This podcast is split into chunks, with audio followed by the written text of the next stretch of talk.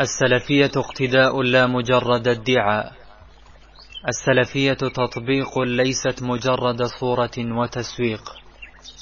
السلفية أمانة في عنق كل سلفي يدعو إليها بأخلاقه ومعاملاته لأنها منهج حياة وخارطة طريق. سلفيتك أيها السلفي ميزان يكال به هذا الدين. وأنت مستأمن على أن يراك الناس سلفيا قلبا وقالبا منهجا ومعاملة ثباتا ورسوخا هل أنت سلفي حقا؟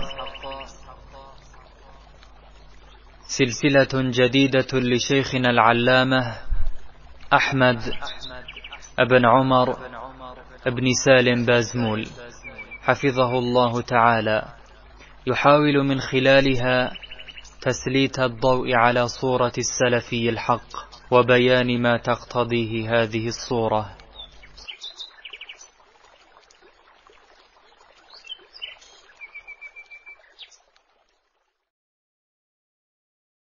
أريد أن أنبه إلى أمر سألني عنه بعض الإخوة.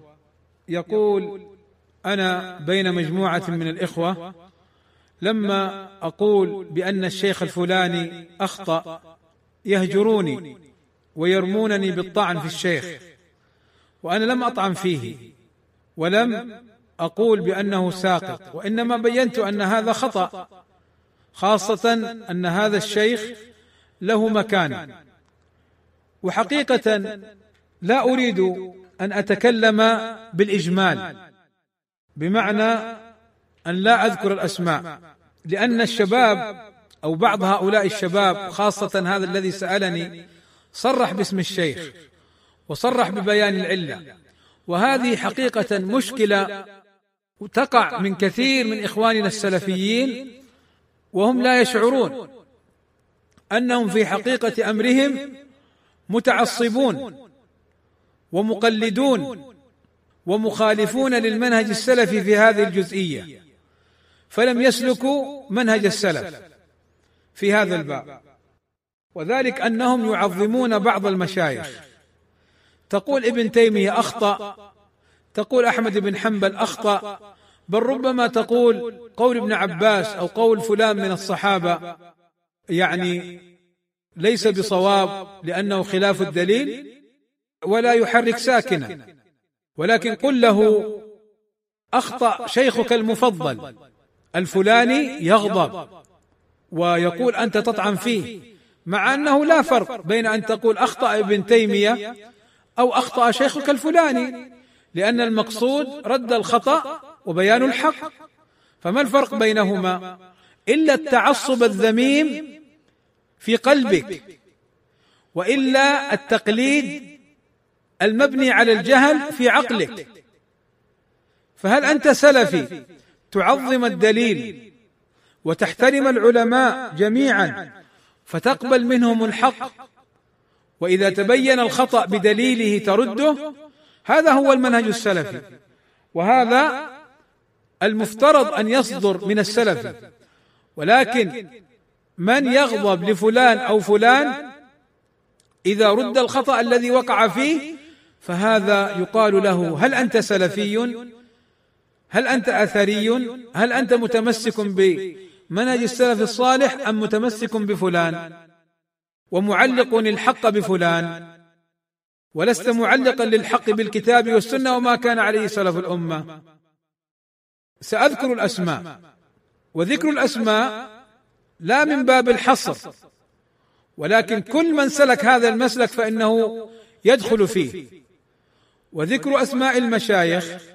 لا يعني أنهم يرضون بمثل هذه المسالك وإن رضي بعض المشايخ بذلك فإنه لا يقبل منه لأنه هذا هو المنهج السلفي حتى وصل من تعصب بعضهم ومن تقعيد بعضهم الباطل فلان خط أحمر يعني هل هو معصوم؟ هل أنت أيها السلفي تقول بقول الرافضة بعصمة أئمتهم الاثني عشرية أو أنت أيها السلفي تقول بمنهج الصوفية الذي يقول كن بين يدي شيخك كالميت مع الغاسل هل أنت أيها السلفي تسير على منهج المتعصبه المقلدة الذين يقولون كل آية أو حديث بخلاف ما قاله عالمنا فهي منسوخة أو مؤولة؟ هل وصلنا لهذه المرحلة؟ ولكن في صورة أنا سلفي وفي الحقيقة أنت لست بسلفي في هذا المسلك كان الشباب يتعصبون للشيخ ربيع حفظه الله تعالى وكان الشيخ ربيع يغضب لذلك ولا يرضى بالتعصب له وإنما يلزم التمسك بالكتاب والسنة يلزم التمسك بالكتاب والسنة. والشيخ ربيع لو ألزم الناس بقوله لا يقبل منه مع احترامنا للشيخ ربيع. فإنه قول العالم لا يلزم به أحد. ولو قال الشيخ ربيع أنا ألزمكم بهذا الأمر. لمن؟ أن نلتزم بقوله لو ألزمنا في أمر مباح أو مستحب السلطان الحاكم الشرعي. أما العالم فلا أبدا. قوله في أمر لا دليل عليه ليس بلازم. لأن الله يقول يا أيها الذين آمنوا أطيعوا الله وأطيعوا الرسول وأولي الأمر منكم. والعلماء ليسوا ولاة أمر يطاعون كولاة الأمر اللي هم الحكام. على القول بأن العلماء من الولاة. بمعنى فيما يبينون من الحق ولكن لا يلزم قبول قولهم مطلقا. انتبهوا يا إخواني. ومن يقول إن العالم كالحاكم لا يناصح إلا سرا ولا يرد على خطأ هذا خطأ. الحاكم هو الذي يناصح سرا وهو الذي إذا أمر بشيء ليس بمحرم وكان من باب المباحات أو من باب المستحبات يلزم الأخذ بقوله لأن الله أمرنا بطاعته.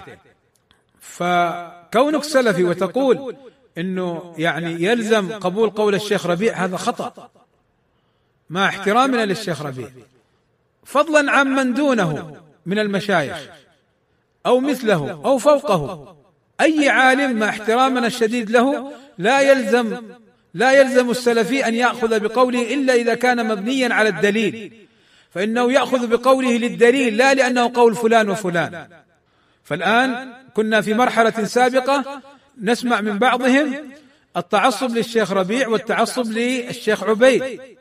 فإذا بينت الخطأ الذي أخطأ فيه فلان أو فلان الشيخ ربيع أو عبيد أنكروا عليك وأنت تطعن في المشايخ. ثم لما حصلت ما حصل من الفتن انتقلوا شباب من التعصب من الشيخ ربيع والشيخ عبيد للتعصب لبعض المشايخ الآخرين. مثل الشيخ مثلا محمد بن هادي أو الشيخ فركوس أو الشيخ جمعة أو الشيخ الأزهر أو أي شيخ آخر. فإذا قلت أخطأ فلان في هذا القول لدليل كذا وكذا يقولون أنت تطعن فيه. هل أنت سلفي؟ نحن لم نعلق الحق بابن تيمية ولا بالصحابة رضوان الله عليهم إذا ظهر الدليل بخلاف قول الصحابي مع احترامنا وتبجيلنا للصحابة رضوان الله عليهم. أجمعين. ولكن إذا ظهر الدليل بخلاف قول الصحابي يؤخذ بالدليل. كما قال ابن عباس يوشك أن تنزل عليكم حجارة من السماء. أقول لكم قال الله قال رسوله. تقولون قال أبو بكر وقال عمر. ابن عباس يحترم الصحابة ولكن الحق مقدم. فإذا كان الحق لا يعلق بشخص بعينه إنما بالدليل. فكيف تأتون وتعلقون وتقولون عبيد خط أحمر؟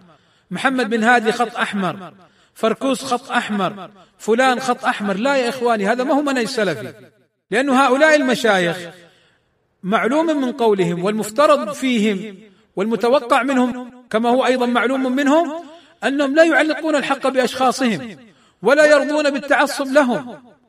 أما قال أحمد لا تأخذ عني ولا عن فلان وخذ من حيث أخذنا. أما قال الأئمة كل يؤخذ من قوله ويرد إلا رسول الله صلى الله عليه وسلم فكيف تأتي وتقول فلان خط أحمر؟ يا أخي من فين أتيت بهذه القاعدة؟ هل أنت سلفي حينما تتمسك بفلان فتجعل قوله كله صوابا أو حتى الخطأ لا ترضى أن يرد عليه؟ لا شك أن هذا خطأ يا إخواني بارك الله فيكم. ولذلك هذا هو حال الرهبان والقساوسة. الذين يقال لهم سمعا وطاعة والذين يعلق الحق بهم بهذه الصورة. نحن سلفيون أي أننا نعمل بالكتاب والسنة على فهم السلف الصالح. نحن سلفيون أي نتمسك بالكتاب والسنة وما كان عليه الصحابة رضوان الله عليهم. هكذا تكون سلفيا. وأما التعصب لفلان أو فلان أو فلان لا شك أنه خطأ. خاصة يا إخواني بارك الله فيكم أن خطأ الشيخ الذي وقع فيه وهذا كما بينه الشنقيطي رحمه الله تعالى عند قوله تعالى أفلا يتدبرون القرآن أم على قلوب أقفالها؟ تكلم على التقليد والتعصب للمشايخ بكلام بديع. فكان مما قاله رحمه الله تعالى أن الشيخ إذا أخطأ يرجى له أن يدخل تحت قول النبي صلى الله عليه وسلم إذا اجتهد الحاكم فأصاب فله أجران وإذا أخطأ فله أجر. ولكن أنت أيها المتعصب الذي ظهر لك الدليل وظهر لك خطأ العالم ما حجتك عند الله؟ لا تدخل في هذا الحديث. ثم أنت تسيء للعالم حينما تتبعه في خطئه. المخالف للدليل وتقول هذا قول فلان وقول فلان. فلا شك أن هذا منهج غير مرضي. غير مرضي أبدا بهذه الصورة. ولا يوافق منهج السلف. واعجب لبعضهم. انتبهوا يا إخواني شوف بعضهم من الجهل ومن السفه ومن التعصب من الحدادية التي في عقله وفي قلبه ماذا يفعل؟ يذهب للمسائل الشاذة. التي قال بها بعض العلماء. وبين أهل السنة والسلفيون خاصة الإمام الألباني أنها شاذة وأن الدليل بخلافها. يأتي بالمسألة ثم يجمع أقوال العلماء من المذاهب المختلفة بالقول بهذه المسألة. فإذا قيل له يا أخي هذه المسألة خلاف الدليل لم تنشرها؟ قال حتى يعلم الناس أن هذه المسألة قال بها العلماء وهل العلماء حجة؟ العلماء يستدل لقولهم ولا يستدل بقولهم. أنت الآن جعلت قول العلماء حجة يا جاهل يا حدادي بهذا المسلك. أنت تريد أن تطعن في الألباني وتريد أن تقول الألباني قوله مخالف لقول العلماء. الألباني مع السنة فأي الكفتين أرجح؟ أنت تريد أن تطعن في الألباني. يأتي للمسائل المسائل الشاذة الفقهية ثم يعقد لها جمع وينشرها في الجروبات. طيب ما موقفك من الدليل الذي أثبت الألباني صحته؟ وقال بصحته جمع من العلماء وهو خلاف قول فلان وفلان. يقول ابن القيم في إعلام الموقعين في كلام له رحمه الله تعالى يقول في كلام معناه إن مما ينبغي للعالم ولطالب العلم أن لا يذكرها ولا ينشرها بين العوام المسائل الشاذة المخالفة للدليل. المسائل الشاذة المخالفة للدليل قال لا ينبغي أن تنشر هذه وهذا ينشرها. فبالله عليكم هل هذا سلفي بهذا المنهج وهذا المسلك؟ حينما يأتي ويعارض السنن بأقوال فلان وفلان من أهل المذاهب هذا تعصب ذميم وخلق سيء. وموقف ليس بسلف بهذه الصورة. فلذلك إخواني بارك الله فيكم إن التعصب للمشايخ وإن تعليق الحق بهم أمر خطير يخالف منهج السلف الصالح. خاصة إذا كان الشيخ انتبهوا يا إخواني وهذه هذه قضية بينها المعلمي رحمه الله تعالى في التنكيل. وانتبهوا لهذه الزاوية ولهذه النقطة التي نبه عليها المعلم. إذا كان العالم أو الشيخ محترما ومعظما عند العامة فالتنفير من قوله قد يكون بأسلوب قاسي وقد يكون بعبارة جافة. لماذا؟ لتنفير العامة منه من قوله. ليش؟ لأن العامة تعظمه فتقبل كل ما عنده من من قول حتى ولو كان خطأ. فإذا قد يحتاج إلى رد هذا الخطا وبيان أنه قول باطل. وعاطل. تطعن في الشيخ عبيد. لا يا أخي ما طعن في الشيخ عبيد. لا يلزم من رد الخطأ ووصف الخطأ بأنه باطل عاطل بل حتى نقول شرك. مثل القول بمحبة النبي لذاته. نقول شرك. ليس فقط باطل عاطل نقول شرك. لا يلزم من هذا الطعن في الشيخ عبيد. ولا في الشيخ ربيع. ولا في أي شيخ آخر أخطأ في بعض المسائل. إذا بينا الخطأ بالدليل. بالدليل. هذا الكلام. فإذا ثبت الخطأ يا أخي أنا أفرح وأنت تفرح. بل ابن رجب رحمه الله تعالى في في رسالته الفرق بين النصيحة والتعيير قال إن العلماء السنيين يفرحون إذا ظهر خطأهم حتى لا يتبعهم الناس ويفرحون حتى يظهر الحق. أما العالم إذا رد عليه ويغضب هذا يروح يراجع تقواه لله عز وجل. وليس علينا غضب أو لم يغضب. علينا ببيان الحق لأننا نحن نطلب رضا الله عز وجل. ثم بيان خطأ العالم لا يعتبر هذا من تتبع زلاته. إلا في حالتين يعتبر من تتبع زلاته. الحالة الأولى إذا كان العالم تراجع عن هذا الخطأ بعينه انتبهوا. بعض الناس تأتي وتقول له فلان أخطأ. يقول خلاص الشيخ قال أنا أتوب من كل خطأ. كلنا نتوب من كل خطأ. ولكن هذا الخطأ بعينه. إن كان الشيخ حيا قادرا فالواجب أن يتوب منه بعينه. والحالة الثانية أن يكون القصد من الرد على هذا الشيخ إسقاطه وهو سلفي.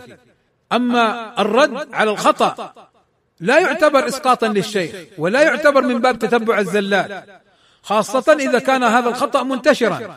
خاصة إذا كان هذا الخطأ لشيخ معظم أو مقدس عند بعض الناس.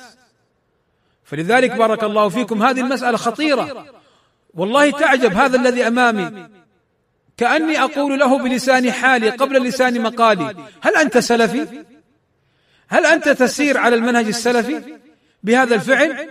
ترد الأدلة ما الفرق بينك وبين المتعصبة؟